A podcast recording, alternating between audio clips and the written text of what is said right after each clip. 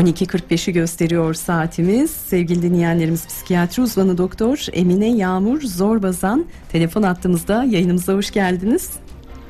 Merhabalar, hoş bulduk. Teşekkür ederim.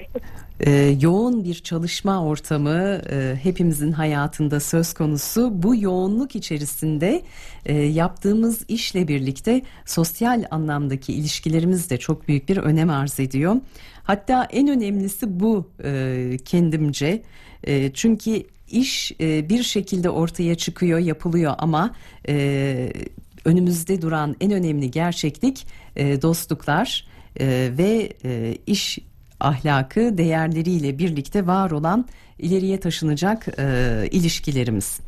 Peki biz neden bu durumdan uzaklaşıyoruz ve e, mobbing gibi bir durumla karşı karşıya kalıyoruz?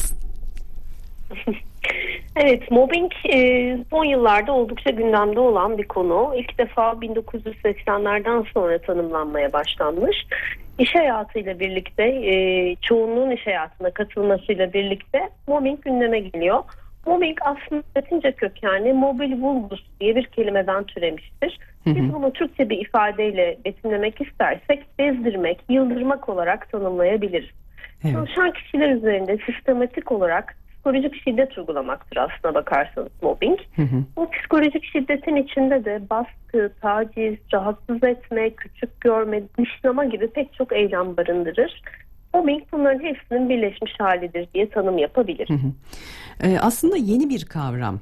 Yani eskiden e, baktığımızda düşündüğümüzde bazı şeylerin normalleştirilmiş olduğunu bile görebiliyoruz. Hani işte işi öğrenmek adına daha kıdemsiz olanları birazcık daha yormak söz konusu olurdu. E, o anlamda daha zor olan işler e, kıdemsiz kişilerce yapılırdı. E, ama e, bunun da artık tanımının değiştiğine şahit oluyoruz. E, nasıl farkına vardık e, biz bu işin ya da kişi kendisine mobbing uygulandığını nasıl anlar? Öyle sorayım. Hı hı. Mobbing aslına bakarsanız sistematik bir baskı. Yani iş yerinde her yaşanan tatsızlık mobbing değildir. Hı hı. Sistematik olarak düzenli ve uzun süreli uygulanır. Mobbing uygulanan kişinin performansı bozulur ve amaç çoğunlukla aslına bakarsanız hı hı. kişiyi istifa ettirmektir. Mobbing önceleri üzeri örtük ve düşük dozda başlar. Genellikle de dikey mobbing dediğimiz yöneticinin daha alt kıdemdeki aslında çalışan bir kişiye doğru e, uygulana, uygulanmasıyla gider. Örnek vereyim mobbingin örneklerini. Hı hı, kişinin hı. dedikodusunun yapılması ve kişinin bunu hissetmesi, bunu kişiye özellikle hissettirilmesi, kişinin özgüvenini sarsan davranışlar, örneğin görünüşü, dili, diniyle ilgili alay edilmesi ve bu sebepten ötürü dışlanması, işiyle ilgili organizasyonlar konusunda haberdar edilmemesi, iş yemeklerine, toplantılarına davet edilmemesi, yine diğer çalışan lara tanınan kolaylıkların bu kişiye sağlanmaması gibi E, kişiye görev tanımı dışında işler verilmesi gibi kişinin yapmış olduğu işte sürekli olarak eksikler bulunmaya çalışılmasına mobbing diyoruz. Yani aslına bakarsanız sizin az önce örnek verdiğiniz yeni başlayan kişilerin ağır işleri yapması, biraz işi öğrenmeye çalışılması bunlar aslına bakarsanız kurum kültürü, iş kültürü bunlara mobbing diyemeyiz. Evet. Mobbing diyebilmemiz için kişinin ciddi düzeyde ruhsal bir yıpranmaya maruz kalması ve işlevselliğinin ciddi bir oranda bozulması gerekiyor. Hatta bazen mobbingin dozu arttırılarak kişiye küfür, hakaret, sarkıntılık, sözlü ve cinsel imalarda bulunulması da maalesef karşılaştığımız bir durum. Bunlar da ağır mobbing kapsamına giriyorlar. e, mobbinge uğrayan bir kişi bir süre sonra mobbinge maruz kalan kişide çalışma motivasyonu belirgin olarak düşer. Kişinin özgüven duygusu zedelenir. Kişide çabuk sinirlenme, öfkelenme, başarısızlığa dair korku, hatta iç kaynaklarının tamamen tükendiğine dair bir çaresizlik hissi oluşabilir. İşe gitmeme isteği olur ve bireyde en sonunda işten ayrılma isteği uyanır. Zaten mobbing uygulayan kişilerin amaçları da kişinin iş yerinden ayrılmasını, istifa etmesini sağlamaktır. Dediğim gibi mobbing sistematiktir, düzenlidir, dozu giderek arttırılır. Genelde mobbing uygulayan tek bir kişiden başlar. Sonrasında diğer kişi ve gruplara da sıçrayarak tacizci sayısı artarak kişiye uygulanan eziyetin boyutu, baskının boyutu giderek artar. Evet. Tabii e, hiç olmamasını arzu ettiğimiz durumlar e, çalışma ortamlarında çünkü e, kişilerin veriminin azalması aslında kurumların veriminin de azalmasına neden olabilecek en önemli nokta. Bireyden başlayarak oluşturulan işin kalitesi hakkında söz etmemiz mümkün. Özellikle çok kişinin bir arada yapmış olduğu işlerde grup halinde yani mesela yayıncılık diyelim. Ee, biz hı hı. yayın masasına oturduğumuz andan itibaren aslında e, tek başına değiliz. Arka planda çalışan arkadaşlarımız var. E, bizim işte e, önümüze ne konuşacağımız, o günle ilgili hangi yorumları yapacağımız noktasında bilgi toplayan e, bir kesim var.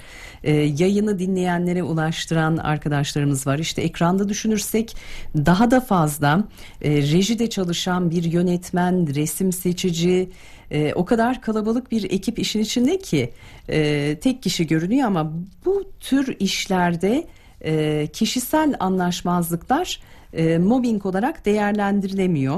Sizin vurguladığınız gibi az önce onu e, algılıyorum.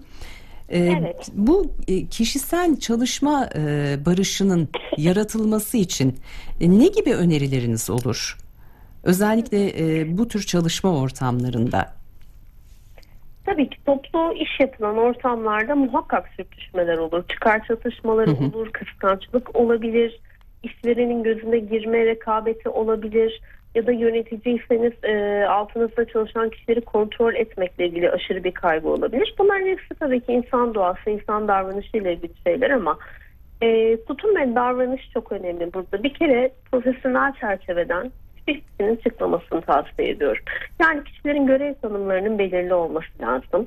Ve bu görev tanımları dışında da kişilere e, ekstra işler verilmemesi lazım. Görev tanımlarının dışında. Herkes görev tanımındaki işi doğru olarak yerine getirirse bir süre sonra bu kişisel anlaşmazlıklar ortadan kalkacaktır. Ama hala varsa, devam ediyorsa e, rahatsızlığımızı açık ve net bir şekilde dile getirmek gerekiyor. Ama kendimizi ifade ederken e, ifadeler çok önemli. Gergin olmamaya, düzgün, saygı çerçevesi içerisinde net ifadeler kullanmaya özen göstermek gerekiyor. Eğer bütün bu kendinizde düzgün ifade etmenize rağmen, net ifadeler kullanmanıza rağmen bu süreç devam ediyorsa tabii ki bunu bir üst yöneticiyle konuşup hı hı. yine bu üst yöneticiyle konuşurken de aynı net ifadelerle durumu paylaşmak gerekir. Bu işleri yaparken e, şikayetinizle ilgili yapılan çalışmaları da takip etmek gerekiyor. Yani bir ben bir kez şikayet ettim sonrasında bu sonuçlandırıldı mı? Bir çözüm getirildi mi, çalışma barışı sağlandı mı diye evet. bu süreci takip ettiğinizi de yöneticilerinize muhakkak hissettirmeniz gerekiyor. Ee, eğer bir kişi mobbinge uğradığını düşünüyorsa ya da iş yerinde bir takım ruhsal tükenmişlikler yaşıyorsa psikolojik olarak destek alması çok önemli. Hı hı. Bir ruh sağlığı profesyoneline başvurmak ilk yapılması gereken. Evet. Bir ruh sağlığı profesyoneline başvurduk ama bizim de bireysel olarak kendi baş etme yöntemlerimizi geliştirmemiz gerekir çalışanlar, hı hı. çalışanlar hı hı. olarak. İş ve ev arasındaki sınırı çok keskin çizmek gerekiyor. Eğer iş yerinde sorun yaşıyorsanız ev ve sosyal yaşantınızda size iyi gelecek şeyleri biraz daha arttırmanız gerekiyor. Evet. Yani bunu bir çizgi gibi düşünün. İşteki alan çok fazla olumsuz yer kaplıyorsa evdeki olumlu, olumlulukları, sosyal yaşamdaki olumlulukları arttırmak gerekir. Burada noktayı koyalım çünkü süremizin tamam. sonundayız. Ee, belki bir başka programda ele alırız. Buna bir ilave yapmak istiyorum. Aynı şekilde sosyal yaşantımızda, ev ve aile yaşantımızdaki olumsuzlukları da iş yerine taşımamamız çok büyük bir önem arz ediyor. Bu da çalışma barışını olumsuz yönde etkileyen bir e, davranış tarzı oluyor. Psikiyatri uzmanı Doktor Emine Yağmur Zorboz'dan çok teşekkür ediyoruz efendim. Değerli katkınız, görüşleriniz için. Ben teşekkür ederim. Çok sağ olun. İyi yayınlar Sağ olun efendim.